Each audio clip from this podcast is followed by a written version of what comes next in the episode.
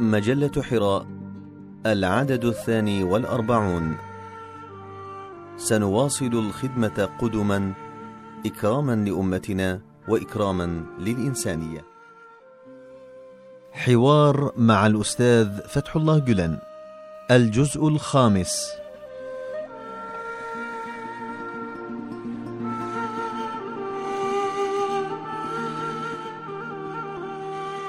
سؤال يتهمون حركة الخدمة بأنها عصابة إجرامية، بل هناك ادعاءات بأن المسؤولين يستعدون للقيام بتحقيقات ومداهمات ضد مؤسسات الخدمة. مع الأسف تقال أشياء كثيرة ضد الخدمة بغضب وعنف وكراهية. أعتقد لم تبق إهانة في هذا الصدد إلا وقيلت، وفي الوقت نفسه تم توجيه اتهامات جائرة وغير منصفة على شاكلة تنظيم عصابة ثم بعدها تعطى التوجيهات في محاولة للتأثير على القضاء. وقد صار هذا من الوضوح بحيث تم التصريح في الميادين الانتخابية بتحضيرات لفتح دعوى قضائية. حسنا، إذا لم يكن هناك جريمة أصلا وإذا لم يثبت وجود جريمة رغم لجوئهم إلى كافة الوسائل للكشف عنها فهل يمكن أن نتوقع عدالة في ظل حالة من التعسف الجائر لدفع سلطة القضاء إلى اختلاق جريمة وأدلة لجريمة؟ إن الادعاء الوهمي والغامض بوجود دولة موازية يمكن أن يوجه إلى كل شريحة أو طبقة في المجتمع. أعني أن توجيه الاتهام إلى أفراد يعملون في أجهزة الدولة بسبب انتمائهم العقدي أو الأيديولوجي أو الطرائقي أو الحزبي عمل لا نهاية له فإن أعلنتم اليوم جماعة من الجماعات أنها موازية ووصمتموها بالعصابة فسيظهر في يوم آخر شخص آخر ويدعي نفس الادعاءات على شرائح أخرى من المجتمع. نعم يحتمل أن يتهم يوما جميع الموظفين في الدولة بالدولة الموازية بسبب تعاطفهم مع مجموعة اجتماعية سياسية أو دينية. حتى هؤلاء الذين تلوك ألسنتهم هذا الموضوع بكثرة اليوم ربما غدا سيتعرضون إلى اتهامات مماثلة لا ضمان لذلك. إذا ترك الناس تحت الشبهة بمثل هذه الاتهامات فعند ذلك لن يبقى نظام ولن تبقى عدالة. وأؤكد وأقول إذا لم يصغي الموظف في الدولة إلى كلام مديره فإن جزاء ذلك معلوم في القانون إذ يعاقب الموظف ضمن نطاق القانون. ولكن إذا حرف الموضوع عن مجراه القانوني وتم تصنيف آلاف الناس ونفيهم إلى هنا وهناك بناء على قوائم سوداء زائفة ثم رفعت قضايا ضدهم ظلما فهذا أمر لا يغفره التاريخ. إن الضغط على القضاء وفتح الدعاوى قسرا ظلم مضاعف لن يتركه الضمير المجتمعي بدون حساب ثم إنه لمن الواضح جدا أنه لا يمكن الحصول على نتيجة قانونية من قضية ملفقة. أضف إلى ذلك إذا اتهمتم أبناء هذا الوطن الذين جعلوا احترام القانون نمط حياتهم بالعصابة حينئذ تسألون منذ اثنتي عشرة سنة وأنتم تعملون مع هؤلاء الناس وتصفونهم بالطيبين. فماذا حصل حتى انقلبوا في نظركم فجأة بعد تحقيقات الفساد والرشوة إلى أناس مجرمين؟ يجب ألا ننسى قوله تعالى والذي يتردد كل جمعة في الخطبة إن الله يأمر بالعدل أي يأمر بألا يؤكل حق العباد يأمر بألا يعتدى على حقوق الناس.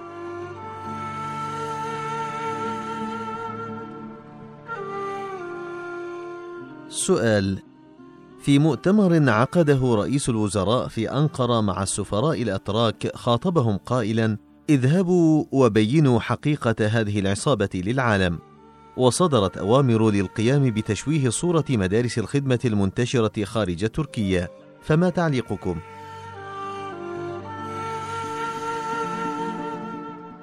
كلما تردد إلى مسامعي شيء من محاولات تشويه صورة الخدمة في كافة أرجاء العالم تفطر قلبي ألما وتوجهت إلى الحق سبحانه وتعالى بالاستغاثة.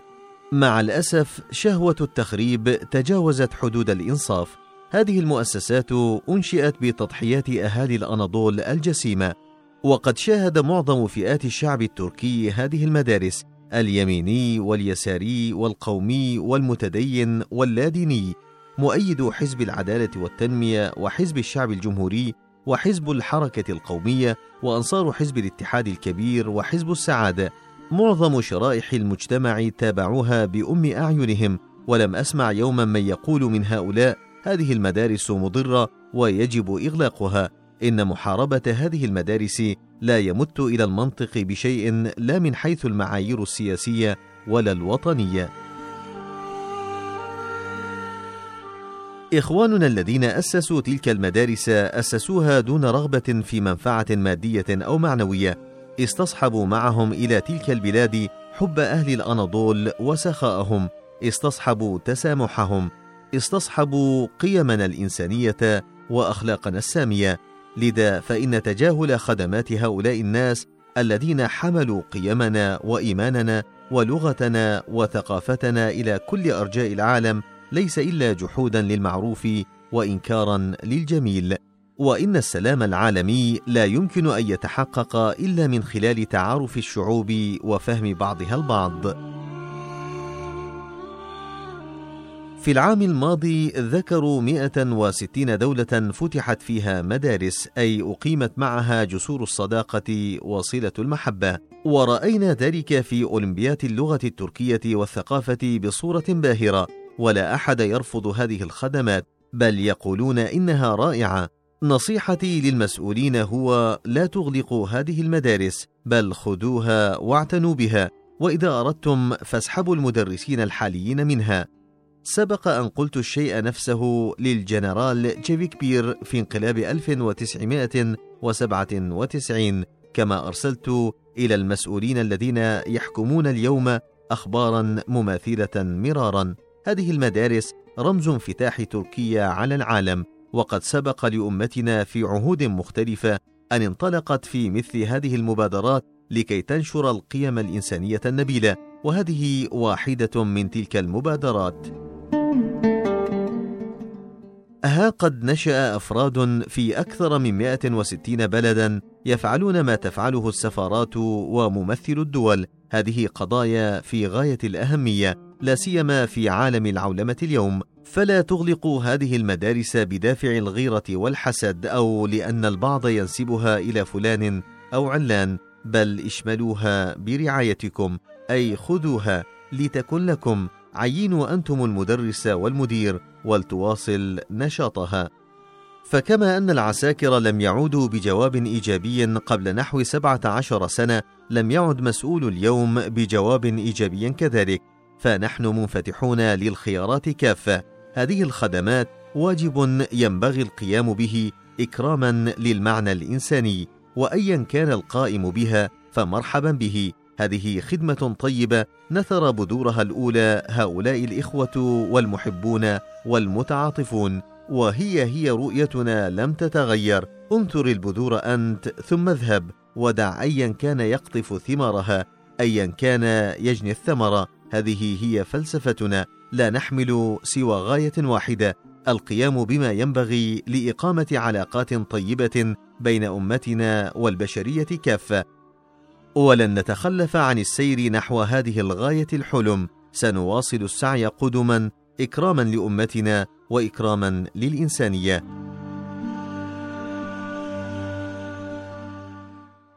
إنه لا يحزنني أن أرى المساعي الملحة للقضاء على هذه الخدمات الطيبة أو تشويه صورة هذه الخدمات أمام العالم. ولكن رغم كل شيء سنستمر في احترامنا للجميع. لأن هذا هو أدبنا وهذه هي أخلاقنا هكذا كنا وهكذا سنبقى. لن نؤذي أحدا ابتغاء مكاسب دنيوية فانية ولن نجرح قلب أحد بل سندعو الجميع إلى رحاب المحبة. سندعو وسنبقى متمسكين في علاقتنا مع أمتنا بكلام الأستاذ بديع الزمان سعيد النرسي الذي يقول لقد سامحت وصفحت عن كل من كان سببا فيما عانيت منه من أذى وإهانة وتعذيب. لم أذق طوال عمري البالغ نيفا وثمانين سنة شيئا من لذائذ الدنيا.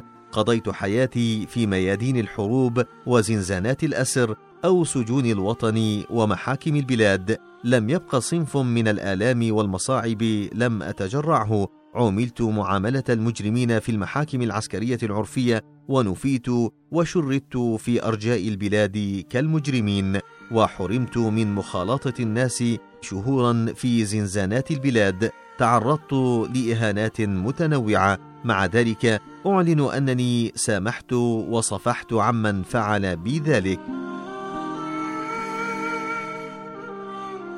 نعم لقد عاهدت نفسي كمؤمن أن أحمل هذه المشاعر.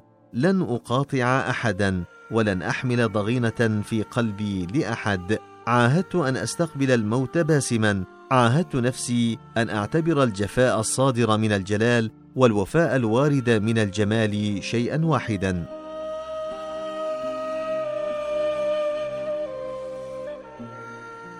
ووصيتي لجميع إخواننا الذين يبذلون الغالي والنفيس في المدارس المنتشرة في كل أنحاء العالم ألا يهنوا ولا يحزنوا ولا يخالط اليأس قلوبهم وإن هذه الخدمات الحيوية التي يقدمونها في سبيل هذه الأمة في سبيل راهنها ومستقبلها بل في سبيل كافة الإنسانية سوف تواصل تقدمها بإذن الله وعنايته. وسوف تستمر القافلة في مسيرتها إلى الأمام. ولا يمكن أن يوقف قافلة الأخيار التي تسير بلطف الله وكرمه لا الافتراءات ولا محاولات التشويه. وكل إنسان يحمل قلبا صافيا وضميرا نقيا في أعماقه سوف يرى ببصيرته حقيقة تلك الافتراءات. إنني أرى خطورة كبيرة في حدة خطاب أعضاء الحكومة حيث يؤدي إلى التفريق بين شرائح المجتمع ويزرع الكراهية فهذا لعب بالنار. فهل يعقل أن يحرض الأب أفراد أسرته ضد بعضهم بسبب رؤاهم المختلفة؟ نحن أسرة كبيرة تمتد جذورها إلى مئات السنين. لا يليق بنا أن نتخذ من أفكارنا المتعددة وانتماءاتنا المتنوعة ذريعة لتفجير صراعات فيما بيننا. ينبغي على الجميع أن يحترم آراء الآخرين. لا يصح ابدا احتكار حرية الرأي والتعبير في فئة بعينها لأنها تمتلك السلطة. فكما يحظى صوت الأغلبية بالاحترام والتقدير فكذلك يجب أن تنال كل فئة شعبية مهما كان عددها نصيبها من الاحترام عينه. وإذا ضيقتم الخناق على المجتمع فهذا يعني أنكم تعملون على تفجير أحزمة الزلازل المجتمعية وتغتالون وحدة المجتمع وهذا ثمن باهظ يعز علينا انجرار البعض إليه مقابل مصالح سياسية آنية.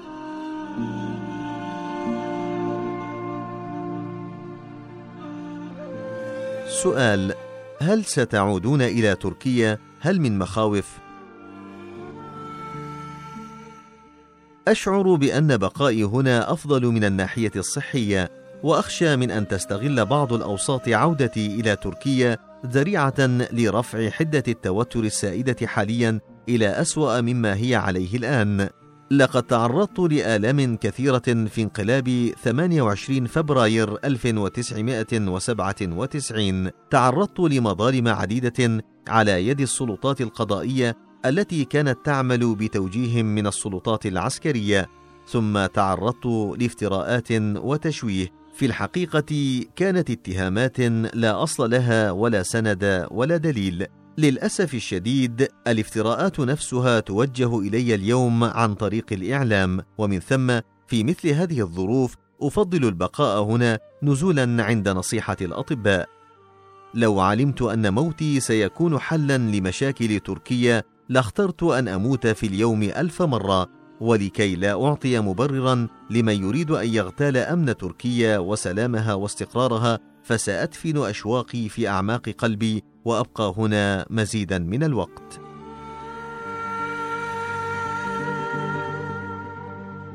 سؤال سبق أن وجهت إليكم دعوة من رئيس الوزراء لكي تعودوا إلى تركيا فهل كنتم تتوجسون من الدعوة؟ حاولت أن أحسن الظن بمن طلب مني أن أعود وقد طلب ذلك مرارا من قبل يومها لم أكن غافلا عن النوايا الحقيقية لهؤلاء الطالبين ولكن لم اتخل يوما عن أدب اللياقة وحسن الظن بأهل الإيمان. قبل كل شيء أنا فرد من الناس مؤمن من المؤمنين لم أحلق عاليا أبدا بل كنت أمشي كأي إنسان عادي على الأرض بتواضع. أمضيت جميع حياتي على هذا النحو. حاولت أن أكون عبدا لله ولا أستبدل مقام العبودية بأي مقام آخر وأرجو أن ألقى الله على هذه الحال. ليس لي أدنى علاقة مع أي جهة خارجية ويستحيل أن يكون ذلك. ولكن الذين يلهثون وراء الجاه والسلطة والمقام والمناصب الدنيوية الفانية هم الواقعون في شباك القوى الخارجية أصلا. هؤلاء الذين يحملون في دواخلهم روح الاستبداد وهوس الهيمنة على الدولة والتشبث بالسلطة إلى حد الجنون عندما قويت شوكتهم وازدادت سطوتهم بدأوا يرون في كل مجموعة ليس لها حسابات سلطوية بل تفر من تلك الحسابات إلى التفكير بكسب مرضاة الله تعالى والفوز بالآخرة بدأوا يرونهم خطرا على أنفسهم وعلى سلطانهم. ومهما حاولوا أن يقنعوا الرأي العام بأن تلك المجموعات خطر على الدولة ولكن غرضهم الأساسي أنهم يرونها تهديدا لمخططاتهم الشخصية. إنه حتى في أشد البلدان تخلفا عندما يحكم على الناس فإنما يحكم عليهم بناء على أقوالهم وأفعالهم.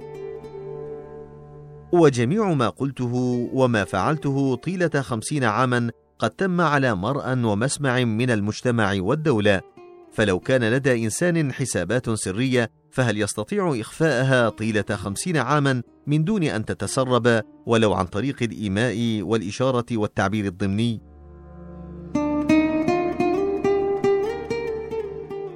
وفيما يتعلق بموضوع عودتي فإنني سأقرر ذلك بعد التشاور مع إخواني الذين أثق بصدقهم وأمانتهم وليس بناء على أفكار من كان بالأمس شيئا وأصبح اليوم شيئا آخر.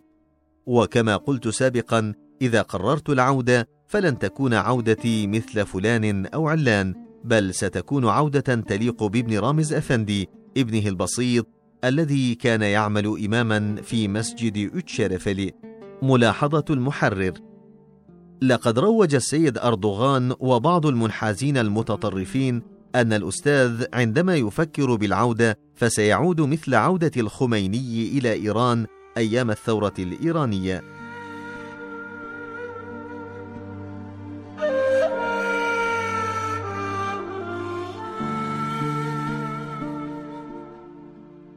سؤال كيف تخرج تركيا من الأزمة الحالية؟ في مثل هذه الفترات يجب اللجوء إلى المولى عز وجل وطرق بابه والتضرع إليه. فمن لا يخشى عاقبته يخشى من عاقبته. إن الذين يحسبون أنفسهم قد ضمنوا آخرتهم واطمأنوا إلى عاقبتهم بينما يشككون في إيمان غيرهم إن هؤلاء قد أوقعوا أنفسهم في خطر كبير. فسيدنا عمر رضي الله عنه كان يرتجف خوفا على عاقبته وعندما كان يوازن بين حسناته وسيئاته كان يقول وددت أني سلمت من الخلافة كفافا لا علي ولا لي. إن تركيا اليوم في أمس الحاجة إلى مناخ جديد يساعدها على اجتياز الأزمة التي تعاني منها. وإنه لمن الضروري جدا إعداد دستور مدني جديد يضمن الحقوق والحريات الأساسية للجميع. ومن أجل تحقيق هذا الغرض يجب أن تزداد المطالبات المجتمعية كما يجب على الشخصيات المسؤولة والمؤسسات المعنية أن تزيد من إلحاحها في إخراج دستور يتوافق مع مبادئ الحقوق العالمية. ولكن مع الأسف الشديد يبدو أن مبادئ الدولة الديمقراطية وسيادة القانون اليوم قد أصيبت بجروح بالغة. وإن العديد من المثقفين والمفكرين ذهبوا في تحليلاتهم إلى ما ذهبت إليه. وإذا ما ابتعدت تركيا عن جوهرها وقيمها الذاتية وعن مجتمعها فإن ذلك سيؤدي بها إلى عزلة فادحة عن العالم. إن دور الأفراد والمجتمعات اليوم لا يقل أهمية عن دور الدولة نفسها وإنه لمن المستحيل أن تنفذوا مشروعا بالإكراه من أعلى بتلقين فوقي أو بضغط سلطوي. ففي بداية القرن العشرين كان بديع الزمان سعيد النرسي يقول الغلبة على المدنيين تتم عن طريق الإقناع لا الإكراه. ومن ثم فإن الضغوطات التي تمارس على المجتمعات لا يمكن أن تثمر نتائج باقية. علينا أن نعالج المشاكل بصبر وترو ويقظة وتبصر وفراسة.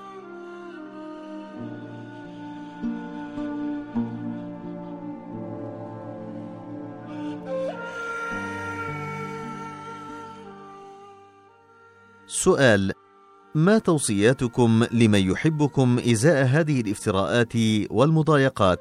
ماذا ينبغي أن يفعلوا برأيكم؟ أقول لإخواني إنكم إذا تعاملتم مع الأزمة الراهنه بالرزانة والجدية التي تليق بأدبكم وصمتم أمام العواصف صابرين متوكلين فلا بد أن يحل اليوم الذي ينتصر فيه العقل السليم. وحينئذ سيأتيكم بعضهم نادما لأنه اقترف إثم الغيبة في حقكم والبعض الآخر خجلا لأنه كان مع المتورطين في الافتراء عليكم. ولكنكم ستقولون لهم لا تثريب عليكم اليوم وستفتحون لهم قلوبكم على مصاريعها ولن تتركوهم يشعرون بخجل الذنب الذي ارتكبوه. لقد حصل هذا في التاريخ مرارا. ينبغي أن يكون شغلنا الشاغل في هذه الفترة أن نواصل في خدماتنا وأن نزيد من سرعتنا والا نفكر بشيء آخر ونكتفي بالقول ستمضي هذه المحنة كما مضت شقيقاتها. علينا أن نلتزم بالصبر إزاء ما حل بنا من ابتلاءات وعلينا ألا نتخلى عن نزاهة أسلوبنا مهما حصل.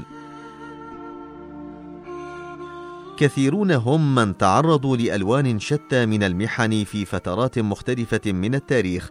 الإمام الرباني أبو الحسن الشاذلي مولانا خالد البغدادي وأمثالهم من الأفذاذ تعرضوا لمحن كبيرة. أما محنة الأستاذ بديع الزمان سعيد النرسي فهي ملحمة من ملاحم التاريخ. لم يبق أذى إلا ذاقه ولا مرارة إلا عانى منها.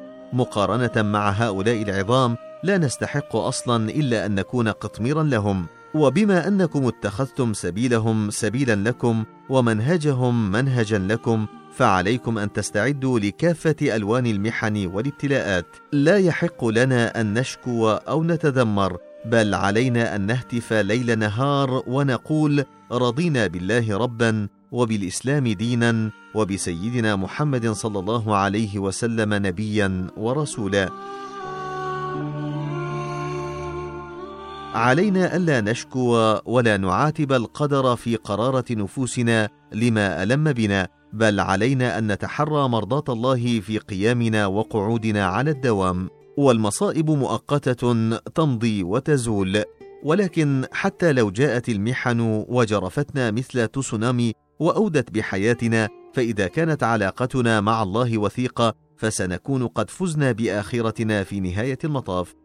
ولا شك أن عشاق هذه الدعوة المباركة ما لم يكونوا قد استهدفوا منها غرضا دنيويا فسينالون ملكا ابديا في العالم الآخر. لذا يجب على الجميع أن يثبت مكانه ويراعوا الأوضاع والظروف وألا يلحوا على السير في درب بعينه. بل حتى إذا سدت الطرق الرئيسية عليهم أن يعملوا من أجل الوصول إلى المرتجى عبر طرق أخرى.